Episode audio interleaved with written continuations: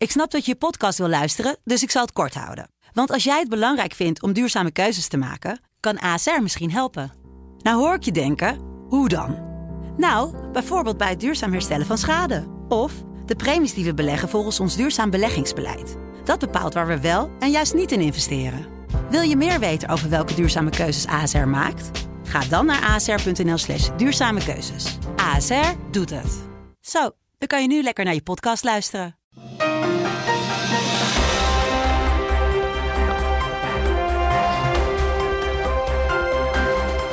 Dit is de Telegraaf podcast. Het land van Wiert Duk. Met Kamran Oela en Wiert Duk. Het is vrijdag 7 februari 2020. U heeft ons een weekje moeten missen en ook deze week zijn we een dagje later dan normaal. Maar hopelijk wel met een eh, vertrouwd geluid, stemgeluid, maar beter geluid ook in de oren, want we hebben de studio wat, eh, wat vernieuwd. Daardoor waren we er niet te wierd. Ja, tot verdriet van eh, ons en van ook veel anderen. Want mensen vroegen zich geloof waar blijft die podcast? Nou, hier zijn we weer dan. Dat was ook mooi. Er was ook iemand die jou uh, niet volgt op sociale media. En die dus een mail stuurde, maar die was gewoon bezorgd over jouw gezondheid. Oh, dat is ook heel aardig. Ja. ja. Nou, kijk eens aan. Mensen leven echt mee. Ja. Dus, uh, maar die hoeft zich geen zorgen te maken verder, hoop ik. We zijn er weer. Uh, als, als van ouds dus. we gaan... op, dat is ook mooi, Wiert. Je, je, je stuurde een tweet gisteren de wereld in wat zijn de onderwerpen die, uh, die jullie zouden willen bespreken? Ja. En echt eens, uh, eensgezind, hè? Ja, ook met ons. Want eigenlijk hadden wij die onderwerpen ook al uh, min of meer voorbereid. En toen bleek dus dat, dat die onderwerpen bij heel veel mensen leven. Ja. Die kwestie in Turingen rond die regeringsvorming daar. En het Franse meisje Mila. Ja. En uh, natuurlijk ook de tweet van uh, Thierry Baudet. Nou, dat zijn de onderwerpen die we zo gaan bespreken. Als een soort Lara Rensen zou ik nu moeten zeggen. We nemen u zo mee naar Duitsland. We nemen u mee naar Frankrijk.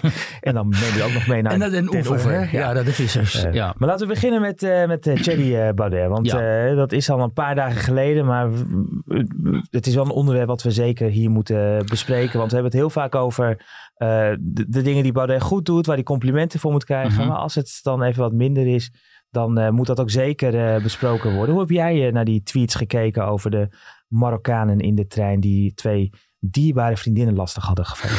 Nou ja, ik dacht van, oh god, het is vrijdagavond en vrij laat. En daar komt dus een tweet die ongetwijfeld voor ophef zal gaan zorgen.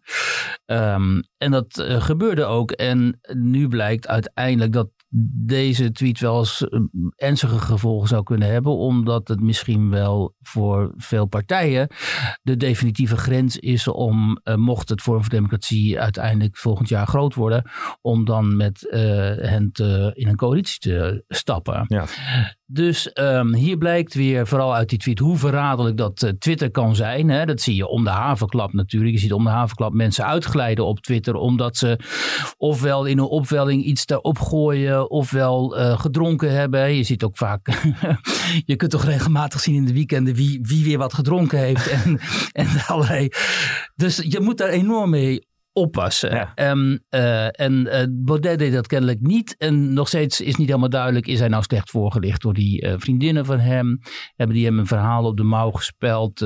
heeft hij dat op een bepaalde manier begrepen? En uiteindelijk bleek dus die tweet hè, over vier Marokkanen die vriendinnen in de ja. trein zouden hebben lastiggevallen. Ja, die bleek dus niet te kloppen. Heeft hij ook toegegeven vervolgens. Heeft weliswaar niet zijn excuses aangeboden.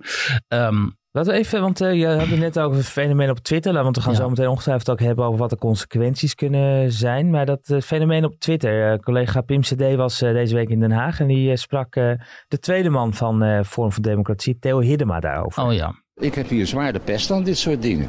Omdat ik dat Twitter-fabriekje, dat vind ik uh, iets verschrikkelijks. Ja. Je ziet het hier dag in dag uit. Ieder weekend gebeurt er een geweldsincident her of der. En de maandag daarop spreken de Kamerleden schande, vragen ze de minister dit en dat. En niemand kent het dossier en niemand weet wat er gebeurd is. Ja, maar een Twitterfabriekje is één ding, maar het gaat er ook om wat je dan in dat Twitterfabriekje post. Ja, als dat niet de lading dekt, de feitelijke lading dekt, dan zit je helemaal mis met je post. Ja. Ja, een Twitterfabriekje. Als je niet de feitelijke lading dekt, dan zit je helemaal mis met je post. Ja, Theo Hedema is natuurlijk nog van een generatie die uh, nog niet uh, helemaal de, de, mobiele telefoon onder de knie heeft. Dus um, die, die hebben natuurlijk helemaal, of nou ja, die hebben, maar de, Hedema heeft inderdaad niks met uh, die social media, geloof ik. Um, um, Nou ja, het, het, klopt wat hij, wat hij zegt. We gaan van, ook in de politiek van de ene ophef naar de uh, andere ophef. En uh, Baudet gaf hier uh, veel mensen. die, hij wordt natuurlijk ligt sowieso onder een vergrootglas. Omdat nu eenmaal ontzettend veel mensen het niet eens zijn met um, de, de agenda, met het programma van Forum voor Democratie. Mm -hmm. En ook in de media. Hè, de meeste media, de meeste journalisten zijn natuurlijk gewoon links georiënteerd. Laten we eerlijk zijn. Hè, dat blijkt ook altijd uit onderzoeken. Dus zodra Baudet een uitglijder maakt. Zeker als je ook nog eens hè, de verdenking op zich laat dat het een racistische uitglijder Want dat is. daar gaat het niet om. Daar hij maakt er een Marokkaan een probleem van. In plaats van, uh, uh, uh, nu blijkt ze trouwens ook niet eens allemaal Marokkaans te zijn geweest. Nee. Maar nee. hij legt meteen die link en en dus racisme. Juist. En dan, hè, en dan maak je dus enorm kwetsbaar voor dat ver verwijt. Je bent kennelijk toch de racist die we eigenlijk altijd ja. al in jou gezien hebben. En kijk, nu, nu is het oud in die open. Uh, nu kunnen we hè, dat zie je ook in allerlei columns in de kranten van. Uh, hoe duidelijk moet het nog zijn, uh, Baudet is een racist. Nu zijn er mensen die racist noemen veelal ofwel beroepsallochtonen die daar hun geld mee verdienen. Of roomblanke autochtonen die verder zelf nooit een allochtoon in hun vriendenkring hebben gekend en nooit met een moslim gezellig op de bank naar Netflix-series hebben gekeken, zoals sommige andere mensen dat wel weten hebben gedaan. Dus die weten, die kennen die wereld vaak ook helemaal niet. Die weten vaak ook helemaal niet, um, of ze zullen dat niet erkennen, dat binnen die allochtone milieus, Turken, Marokkanen en zo, en zo ook uh, heel scherp wordt mhm. gesproken mm. over de anderen. Turken over Marokkanen, Marokkanen weer over Surinamers, noem maar op. Dat is de, de straat, um, dat is de taal van de straat. Dat weten mensen die die, die, die milieus kennen heel goed. Alleen um, een politici die moeten zich daar helemaal niet aan, uh, aan wagen natuurlijk. En zeker niet als je verantwoordelijk bent voor uh, zo'n groot electoraat. Want dat is natuurlijk het probleem in dit geval. Baudet weet met allerlei standpunten een heel groot electoraat naar zich toe te trekken. Dat ontevreden is met zowel VVD als CDA vaak. Of dat niet naar de PVV wil gaan. dat is een belangrijk deel hè, van de Nederlandse uh, kiezers. En uh, die kun je niet tracteren op zo'n tweet, waarmee je dan uh, in ieder geval de verdenking op je laat dat -hmm. je ook racistische motieven zou hebben in jouw, in jouw kritiek op bepaalde bevolkingsgroepen. Want, want, want sorry dat je onderbreek, omdat buiten, kijk, wat, waar hij natuurlijk op preludeert hier, is dat in de praktijk, hè, als we vragen aan vrouwen van wie hebben jullie last op straat en in het openbaar vervoer en zo, dan blijken dat vaak heel vaak Marokkaanse jongens te zijn. Het is gewoon een vaststaand feit. Ja. Het is ook zo dat Marokkaanse jongens tussen, in een bepaalde leeftijdsgroep overmatig uh, voorkomen in de criminaliteitsstatistieken. Dat zijn de feiten. Daar kun je het over hebben. Daar moet, dat is een probleem. Dat is ja. ook algemeen erkend. Hè? Ook binnen de Partij van de Arbeid. Hè? Zowel Spekman als Samson als Rob Oudkerk ooit. Die hebben dat concreet benoemd. Marokkanen, de Marokkaanse jongens zijn wat dat betreft een probleem. Die zijn nooit aangeklaagd wegens racisme overigens. Hoewel hun teksten echt, echt heel, uh, uh, laten we zeggen, op het randje waren. Hè? Mm -hmm. Um, maar zou Baudet er niet goed aan doen om, om nu daar wel die nuance in aan te brengen? Want zolang hij, want hij heeft geen excuus aangeboden, maar hij heeft uitleg gegeven hoe het gegaan is. Nou, maar zolang die partij, hij die nuance niet aangeeft, ja. Dan... Als die partij, sorry, als die partij een fatsoenlijke conservatieve beweging wil worden en een fatsoenlijke conservatieve partij in het Nederlandse partijlandschap, dan zullen ze onomstotelijk duidelijk moeten maken: wij zijn er voor iedereen. Wij zijn hier voor alle etnische groepen ook. Exact. Als ze ons wereldbeeld onderschrijven. En ze hebben al hè, een, een Iraanse in de Staten. Ze hebben natuurlijk iemand als Yernas Ramatau Singh, die onmiskenbaar allochtoon is, laat mm -hmm. het zo zeggen. Dus um, uh, en, en ze moeten dus, en er zijn heel veel allochtonen in Nederland, seculiere Turken, Marokkanen met een conservatief wereldbeeld, die van nut zouden kunnen zijn voor die beweging. Uh, als ze die van zich vervreemden, uh, dan laden ze inderdaad de verdenking op zich dat ze geen zuivere motieven hebben. Ja. Ze moeten die mensen aan zich binden om te laten zien: wij zijn ook uh, uh, een voldoende burgerliche partij, zoals ze dat in Duitsland zeggen. We trekken voldoende naar het midden, hoewel we een conservatieve beweging zijn, om ook uh, in aanmerking te komen voor landelijke en uh, regionale coalities. Ja. En op dit moment hangt die vraag daar te, te zeer daar, daarboven door dit soort, door dit soort tweets en uitspraken. Ja, laten we meteen ook doorpakken richting Duitsland. Ja. Want de, hier zit een grote overeenkomst hè, op, op, op, op, op dit vlak. Want het gevaar is uh, van deze uitspraken dat andere partijen zeggen: zie je wel, zolang hij Baudet niks terugneemt, sluiten wij vorm van democratie uit. Hè? Dus, een cordon sanitair, zoals dat vaak wordt genoemd. Ja. In Duitsland is dat ook jaren geweest rondom AFD. Ja. En deze week was er plots in Turingen een soort, soort omslag. Er werd een, een, een liberale FDP-premier gekozen met steun van uh, AFD. Ja. Maar ho, ho, dat was niet de bedoeling. Want uh, het mag niet samen worden gewerkt of mag niet worden gesteund door de AFD. Ja, dat is fascinerend. Hè? Um, in Duitsland heb je die, die uh, Alternatieve voor Duitsland, de AFD die is ontstaan eigenlijk als gevolg van de vluchtelingencrisis en de politiek van Angela Merkel. Normaal gesproken in de Duitse traditie, naoorlogse traditie, dekt, dekken de christendemocraten dat conservatieve veld af. Dat doen ze vooral met het CSU, dat is dan hun zusterpartij in Beieren. En die is echt heel, althans die was heel erg conservatief. Mensen uh, herinneren zich nog, misschien nog Strauss, minister-president. Nou, dat was uh, voor Nederlandse begrippen, dat, dat bestond in Nederland helemaal niet. Iemand die zo conservatief was. En Um, maar die Strauss, dat was een hele slimme politicus. Die had als uh, adagium, als um, uh, idee, rechts van de CSU mag in Duitsland niks bestaan, mag niks bestaansrecht hebben, omdat je dan al snel in die hoek komt van het uh, nazisme, waar ze in Duitsland natuurlijk van gruwelen. Uh, nu is onder Angela Merkel, en dat is echt iets wat we haar kunnen aanrekenen, uh, die christendemocratie in Duitsland naar links gerukt. Um, waardoor ze een groot deel van haar conservatieve achterban van zich heeft vervreemd. En ook de CSU uh -huh. is er mhm. niet in geslaagd om, die, uh, om, om daar een vangnet voor te zijn.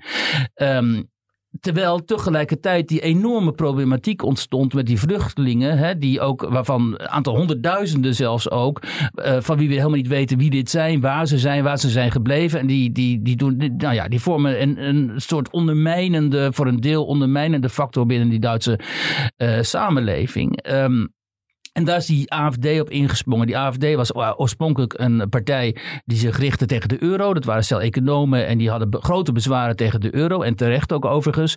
Maar die zijn uiteindelijk naar de marge geschoven, zijn uit, uit de partij gegaan.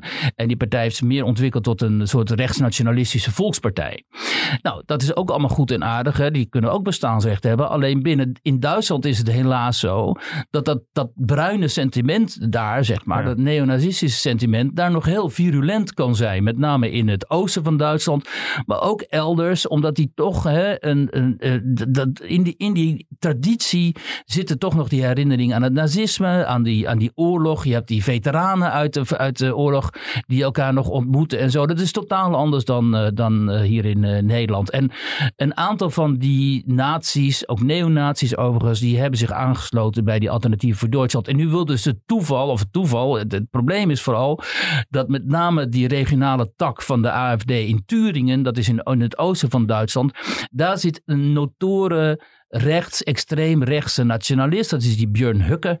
En die man heeft in het verleden echt vreselijke uitspraken gedaan. Onder andere over het Holocaustmonument. Maar ook andere uitspraken waaruit je kunt opmaken. Hij is eigenlijk gewoon een nazi. Hij heeft ook vrienden binnen de NPD. Dat is de echte nazi-partij. Um, die man, eh, als, er, nou, als, als er nu al eens een keer het etiket fout op iemand kunnen plakken in de politiek. Dat doen wij hier niet zo graag. Omdat we daar voorzichtig mee moeten zijn. Maar die Hukke die verdient het echt wel. Nou en uitgerekend met hen um, sluit het CDU in Turingen een soort deal om uh, een liberale meneer, hè, die overigens de, de kandidaat is van een hele kleine partij, de FDP, om die als... net, net, daar net aan met de, de kiesdrempel gehaald en uh, ja. erin gekomen. Ja, die ja. FDP, dat is de Duitse VVD, zeg maar, maar die stelt in Duitsland helemaal niks voor. En uitgerekend die man hebben ze naar voren geschoven als een kandidaat van de, van de conservatieve partijen, zeg maar. En die is, uh, uh, met stemmen van die AFD, is hij daar tot minister-president gekozen. Zijn tegenstrever, het wordt een beetje ingewikkeld misschien, maar het is wel belangrijk om te weten, was de zittende premier van Turingen. Die deelstaten die hebben allemaal premiers. Er zijn 16 deelstaten of 15, hoeveel zijn er ook alweer. Mm -hmm. En die hebben allemaal eigen premiers. En de zittende premier die dus verloor, dat is uh, Ramelow. En dat is een vertegenwoordiger van die linke. En die linke is weer de opvolger van de oude staatspartij in de DDR. Dus de partij die verantwoordelijk is geweest voor onderdrukking, voor gevangenissen, voor hè, noem maar op. Uh, maar die heeft zich zogenaamd geëmancipeerd, die partij. En die Ramelow was eigenlijk wel uh, een hele populaire premier mm -hmm. in die staat. Maar goed, die is dus, heeft dus verloren. En die uh, Kemmerich van de FDP, die werd met stemmen van die uh, AFD samen en het CDU premier. En toen barstte dus de bom. Omdat de deal is in Duitsland, oké, die AFD, daar gaan we dus eh, in Duitsland althans onder de Christen-Democraten en andere burgerlijke partijen ook, met die AFD gaan we dus geen zaken doen. Um, dus Merkel notabene, die op uh, reis was, in uh, bezoek was in Zuid-Afrika, die heeft daar het machtswoord gesproken van geen sprake van terugdraaien. En het is nu ook teruggedraaid. Dus um, moet die Merkel, die laat even weten vanuit Zuid-Afrika van dit onder, hè, not on my watch, dit gaat niet gebeuren. Wat de AFD dus eigenlijk doet, hè, gebruik maken van de democratische mogelijkheden door ja. een kandidaat te steunen en daarmee een meerderheid te creëren. Juist. En Merkel, die zegt eigenlijk nee, ho ho, democratie is, uh, is goed, maar niet op deze manier. Ja, dat, en, en dat is dus hè, vergelijkbaar wat er met in Vlaanderen vroeger met Vlaamse Belang gebeurde. En wat er eigenlijk ook wel in de Tweede Kamer met de PVV gebeurt. Ik weet niet of dat nog steeds zo is, maar de Partij van de Arbeid zei op een gegeven moment: we gaan niet één motie van de PVV steunen, ook al zijn we het ermee eens. Dus dat is een cordon sanitair. Um, en daar wil Merkel aan vasthouden. En dat is fascinerend, maar ook hoogst explosief, omdat die AFD zich ontwikkelt tot een steeds grotere partij. die kan het, die kan de tweede partij worden van Duitsland. Die kan wel eens de grootste partij worden mm. van Duitsland. En wat ga je dan doen?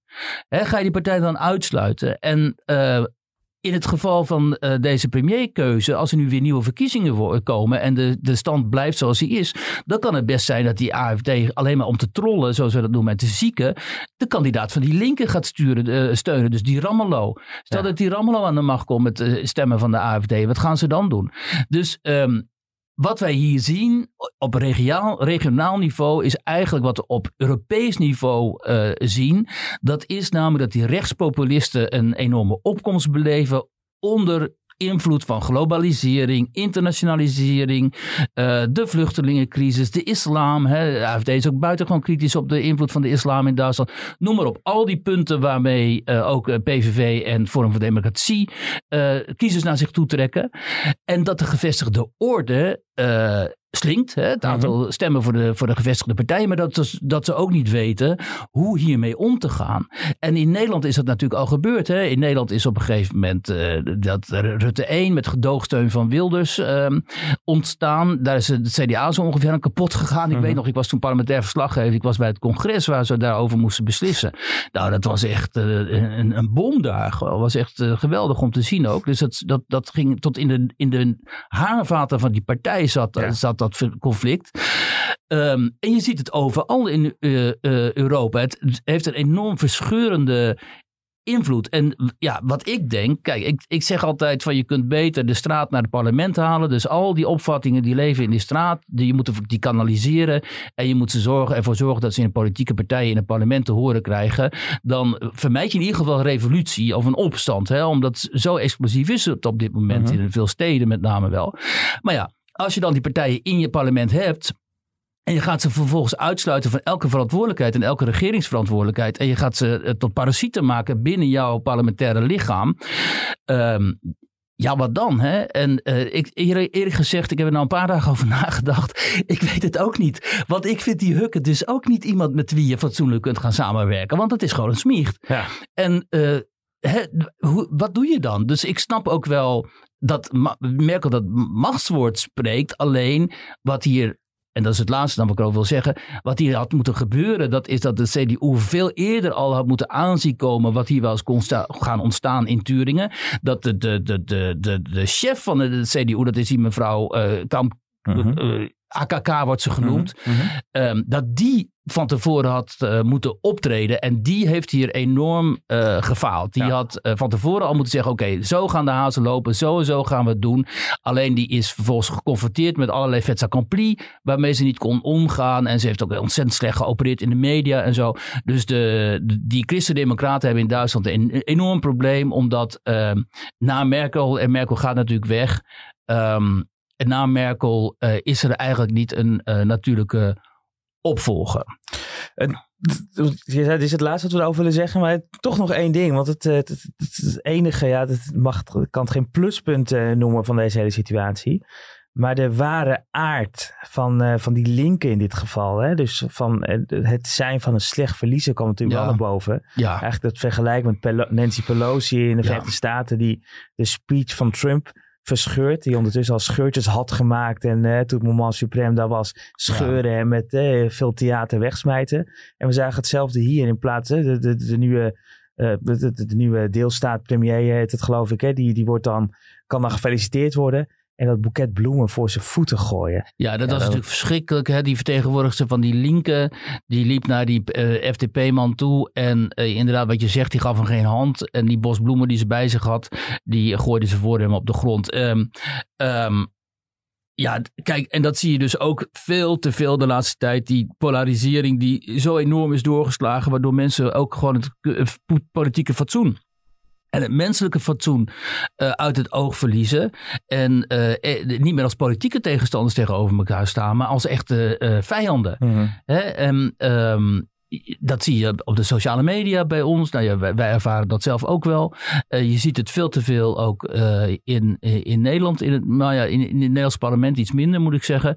Maar uh, dit soort dingen, dat kan natuurlijk helemaal niet. Ook wat die Pelosi heeft gedaan, dat, dat kan gewoon niet. En is toch alle, alle fatsoensnormen normen voorbij. Dit, dit, dit, nou ja, en bovendien inderdaad, als je, dus, hè, als je dus verzekerd wil zijn in de Verenigde Staten dat je die presidentsverkiezingen dus gaat verliezen, dan moet je, dan moet je zo doen. Ja. En dan moet je inderdaad je zo intolerant uh, tonen en uh, zo'n slechte verliezer tonen.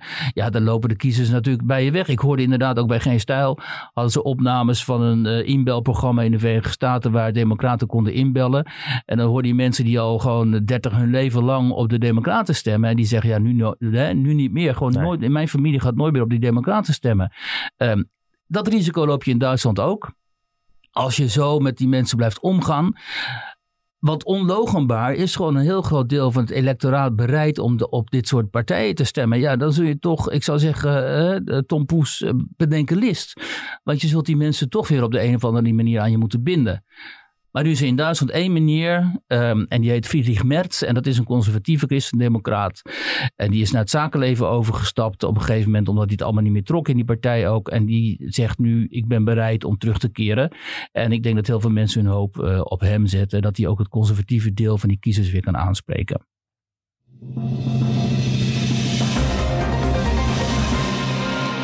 We gaan van Duitsland uh, richting Frankrijk. Uh, want daar is ook een hele hoop ophef geweest over een, een, een 16-jarige meid. Mila, je suis Mila. Ja. of, of juist, ik ben Mila niet. Laten we eens even beginnen met het fragment waarmee de hele discussie ook drie weken geleden losbarstte. Een live sessie online. waarbij zij, even, ik, ik, probeer even het plaatje nog te schetsen. Dan mag jij daarna vertellen wat er ex, ex, exact daarna is gebeurd. Maar zij heeft een live sessie er is een, uh, een, een, een, jongen, islamitische jongen, die haar wel leuk vindt en die daarop ingaat. Zij vertelt dat zij lesbisch is. Uh, en uh, vervolgens uh, scheldt hij haar uit voor hoer. En dat, ze, dat, dat, dat het vanuit zijn religie is zij minderwaardig, kan ze niet bestaan. En dan gaat ze los. En naar dat ja. stukje luisteren Je déteste la religion. Le Coran est une religion de haine. Il euh, y a que de la haine là-dedans. L'islam, c'est de la merde. C'est ce que j'en pense. Moi, c'est, je dis ce que je pense, putain. Je suis pas raciste, mais pas du tout. Tu peux pas, on peut pas être raciste d'une religion. Tout simplement, il y a des gens qui peuvent penser ça, mais vous êtes con. Qu'est-ce que vous êtes con, putain de merde? Toevallig kan ik goed Frans. Kijk, dat scheelt. Ik en als hij zegt putain merde, dan weet ik ook wel uh, uit welke hoek dit uh, komt. Um, dit is dus gewoon, zoals hij spreekt ook, gewoon een meisje van 16 die niet een blad voor de mond neemt. En die zegt la merde putain. Nou, dat is echt wel um, uh, de straattaal bij Fransen. Maar wat zij hier zegt en... Um, uh, wat zij hier zegt is, luister eens, ik heb een enorme hekel aan religie. Um, de Koran is een boek van haat. En vervolgens zegt ze nog iets, maar dat horen we hier niet. Dat ze, dan zegt ze iets van ik steek mijn vinger in je kont of zo. Mm. Van, hè. In ieder geval vrij grof. Ja. Um, en daar zij dus enorm om aangevallen. Ze kreeg uh, doodsbedreigingen um, van alle kanten. Um, en ze reageerde inderdaad op een jongen die avances maakte, maar dat wilde zij niet. En om, ze is lesbisch bovendien. En dat, hè, dus ze is al een beetje, zeg maar, kwaad uh, in, in deze scène die we hier horen. Ja. Um, wat er aan de hand is nu in Frankrijk is daar speelt altijd dat debat over de laïcité, dus de seculiere staat, de, de, de, extreme scheiding van kerk en staat die, en moskee ook, die wij hier niet zo kennen. En nu is er natuurlijk een aantal mensen die daaraan wil vasthouden vanuit die traditie, die haar te hulp schiet. Die ook zeggen, je suis Mila, dus die, eh, en zeker na vijf jaar na Charlie Hebdo.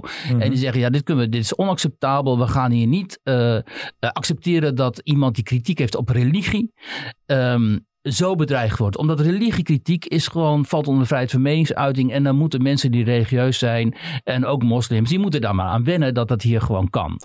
Uh, Vervolgens is interessant, zijn er ook mensen die zeggen: ja, nee, maar wat zij zei, dat gaat veel te ver. En dat valt weliswaar misschien onder de vrijheid van meningsuiting, maar je moet niet andere mensen zo kwetsen. Dus die gaan er weer zitten op de, op de toon. En nu is het uh, interessant in Frankrijk dat dan intellectuelen uh, en andere hè, mensen, prominenten, dus wat wij BN'ers zouden noemen, maar dan uh, op het intellectuele vlak, die, die dan onmiddellijk zeggen, veel minder dan hier in Nederland het geval zou zijn: we gaan hier niet relativeren. De vrijheid van meningsuiting is abs absoluut die gaat tot aan het op de oproepen aan, uh, aan, geweld.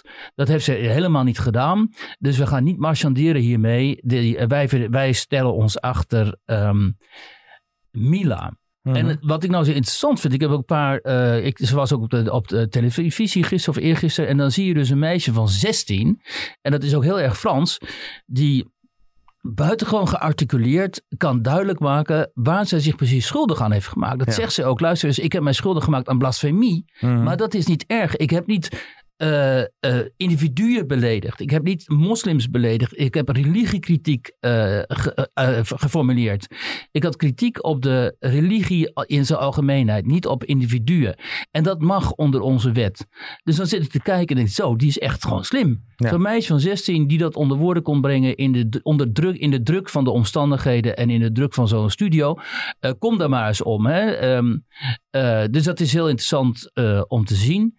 Het is ook interessant hoe hoog het oploopt. En het is bovendien ook een goed voorbeeld van uh, waar wij hier in Nederland en in andere Europese landen natuurlijk ook mee te maken hebben. Namelijk dat uh, te veel mensen vinden dat de islam een uitzonderingspositie moet uh, hebben in dit kritische veld. Dus dat je weliswaar hè, christenen altijd zwaar mag beledigen. Christenen zijn jarenlang door VARA-cabaretiers helemaal kapot gemaakt.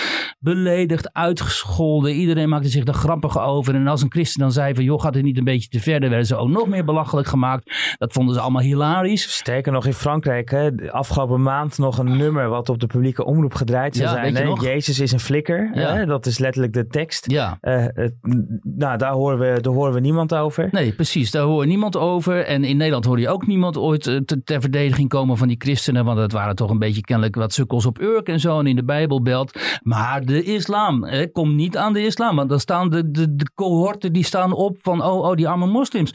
Die zijn weer slachtoffer slachtoffer van, van kritiek en zo. En ik ken toevallig nogal wat moslims en die vinden het ook allemaal flauwkul. Die zeggen ook van waarom moeten wij zo verdedigd worden door vadercabaretiers die zelf niet eens islamitisch zijn. Mhm. Hou eens op. Weet je wel, we zijn volwaardige burgers en wij kunnen heus wel een stootje incasseren. En als jullie denken dat wij niet tegen kritiek kunnen, uh, dan, dan onderschat je ons. Hè? Maar helaas hebben, heeft de islam ook wel uh, nogal wat officiële vertegenwoordigers die er als een kippen bij zijn uh, als ze bekritiseerd worden om in de slachtofferrol te duiken. Maar goed, dat is alleen maar om subsidie te krijgen. Dat is verder niet serieus te nemen. Maar uh, dit is echt een ernstig probleem. En zo'n Mila die, die, die, die raakt niet voor niks een snaar, omdat heel veel mensen ook in Frankrijk begrijpen dat je voor geen enkele religie wat dit betreft een uitzonderingspositie moet gaan claimen. En dat het sowieso al niet aan de orde moet zijn dat wanneer je religiekritiek hebt, dat je dan vervolgens moet onderduiken omdat je leven bedreigd wordt. Ja. Nou, volgens mij uh, laten we het daar inderdaad ook uh, bij laten bij deze hele, hele Mila-kwestie.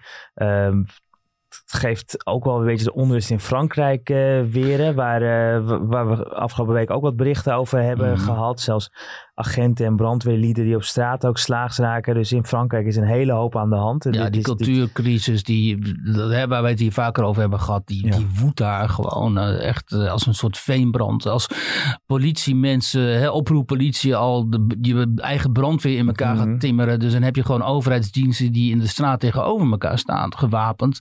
Ja, dan, heb je, dan moet je toch erkennen dat je echt een behoorlijke sociale crisis aan je hoofd hebt.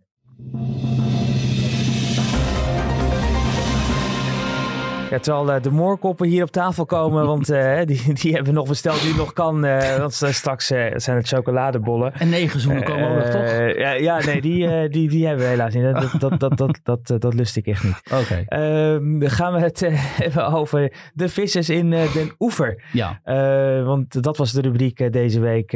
of tenminste, dat was in de rubriek in Nederland elke week in de, de krant op donderdag en op, op de site te lezen. En deze week ben je afgereisd naar een, naar een familie daar die ja, eigenlijk uh, weinig optimistisch over de toekomst van de visserij in Nederland zijn. Hè? Ja, want de familie Meeldijk is dat in de Hippolytushoef, dat is bij Den Oever. En dat is um, um, niet echt een vissersgeslacht, want opa was kruidenier, maar vader Adrie Meeldijk die is gaan vissen. De opa trouwens ook, die was kruidenier en die ging met zijn zwager een keer vissen. En toen zei hij van, joh, dit is eigenlijk wat ik wil. Dus heeft hij zijn stofjas aan de wiel gegangen en is ook gaan vissen. En uh, vervolgens uh, Adrie en zoon Kees, die heb ik geïnterviewd. Wel, omdat vanwege de plannen van het kabinet om Noordzeevissers die geen, nou ja, geen zin meer hebben of die daartoe bereid zijn om die uit te kopen. want net zoals de boerenstand moet de visserij nou ja, inge, ingedampt worden, zeg mhm. maar. Omdat ook met name op de Noordzee plaats moet komen voor allerlei windmolenparken. Dus, um, en dan is het heel interessant om de verhalen van die vissers te horen, omdat wat zij zeggen is, ja, wij zijn de oudste en eigenlijk ook de, de meest gebruikende deel van de Nederlandse bevolking dat gebruik maakt van die wateren, dus van die Noordzee en die Waddenzee. En we voelden ons daar altijd vrij. Met name Adrie, die dan vertelde, joh, het was vrijheid, blijheid, we gingen weg en we hadden met niemand meer wat te maken. Niemand keek over onze schouders mee. Uh, wij voelden ons verantwoordelijk ook voor die visstand, ondanks wat misstanden en zo, maar we wisten echt wel waar we mee bezig waren. En um, het was één groot avontuur. En de afgelopen jaren, zegt hij, is zijn door al die regels en al die milieuorganisaties die uh, gingen meekijken. En door al die overheidsregels en zo, uh, heeft hij gewoon plezier in het vissen verloren. En in 2010 heeft hij zijn kotten verkocht en is hij mee gestopt. En Koos, um, de zoon Kees, die vaak meeging, die um, maar die, die had ook nog andere belangstellingen. Die is historicus geworden, afgestudeerd. En uiteindelijk is hij bij Wageningen Marine Research terechtgekomen vorig jaar. En doet hij, is hij nu onderzoeker. En doet onderzoek naar allerlei uh, vormen van vissen. Dus vuikenvissen en pulsvissen enzovoort. En als je dan al die verhalen hoort, dan wordt wel duidelijk. Um, hoe wrang dat eigenlijk allemaal is. Hè? Bijvoorbeeld ook die kwestie met dat pulsvissen. Dat was een hele progressieve manier van, van vissen. Hele innovatieve uh, techniek.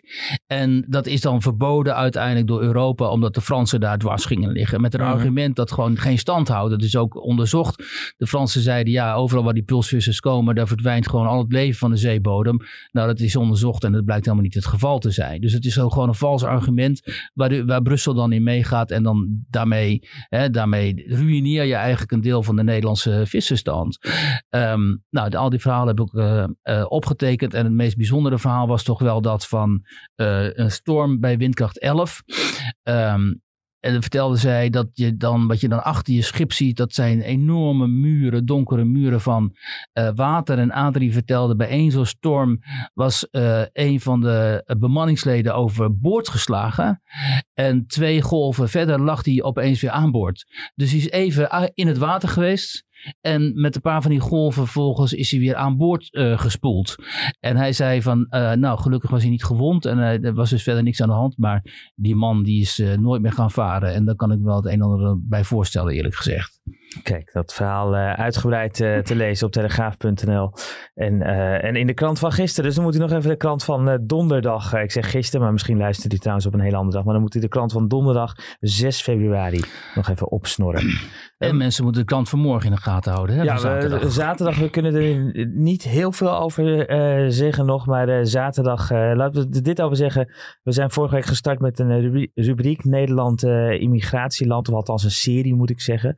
En uh, deze zaterdag uitgebreid uh, in de krant. En ik denk dat veel van onze luisteraars uh, nou ja, heel veel plezier gaan beleven aan vele pagina's. Met interessante grafieken en cijfers. Um, laten we hem mooi rondmaken, Wiert. We begonnen met Thierry Baudet. Uh, terwijl we dit aan het opnemen zijn, is er ook uh, nieuws uit uh, Brabant. want daar is CDA uit de coalitie, was CDA uit de coalitie gestapt. Hè, mm -hmm. Dus mhm. er moet een nieuwe formatie plaatsvinden. En vandaag is bekend geworden dat ehm, VVD daar met uh, CDA en Forum voor Democratie aan het onderhandelen is over een coalitie. En nu zijn D66 en GroenLinks woest. D66-fractievoorzitter Rob Jette die haalt uit naar VVD en CDA. omdat ze met, met, met Forum om de tafel zitten. ze gooit daarmee principes overboord. Hij wijst ook, Rob Jette, daarbij op de treintweet van ja, Thierry Baudet Waarin hij hè, onterecht suggereerde dat dierbare vriendinnen werden lastiggevallen door Marokkanen. Um, de, uh, ik zag ook al een... Um, Klaver quote, ja. VVD, CDA willen extreem rechts het zadel inhelpen. En dat naar racistische uitingen van de FVD-voorman. Onbegrijpelijk en onverantwoord. Ja, en ik zag ook al een, eh, een, een, verhaal van een eh, CDA-prominent Kroegereet, die, of ik weet niet, nooit precies hoe ik zijn naam uitspreek, die uh, van zichzelf altijd, altijd zegt dat hij heel belangrijk is en bij allerlei regeringsakkoorden ook heeft meegeschreven en die heeft ook al gezegd, er is geen sprake van dat die partijen met Forum voor Democratie uh, kunnen gaan samenwerken. Die kroegen die noemt mij ook wel met enige regelmaat extreem rechts en zo. Dus die heeft nogal een, een, een tunnelvisie op, op, op de werkelijkheid. Maar ja, dat zijn toch belangrijke stemmen ook uh, binnen die partijen. Dus um, ja, zoals we inderdaad aan het begin al zeiden, je kunt je met één tweet onmogelijk maken. Maar ik denk dat het wel even belangrijk is. Want volgens mij, ik, ik kan me erin vergissen, is dit wel voor het eerst dat uh, in dit geval Klaver, Vorm voor Democratie extreem rechts noemt.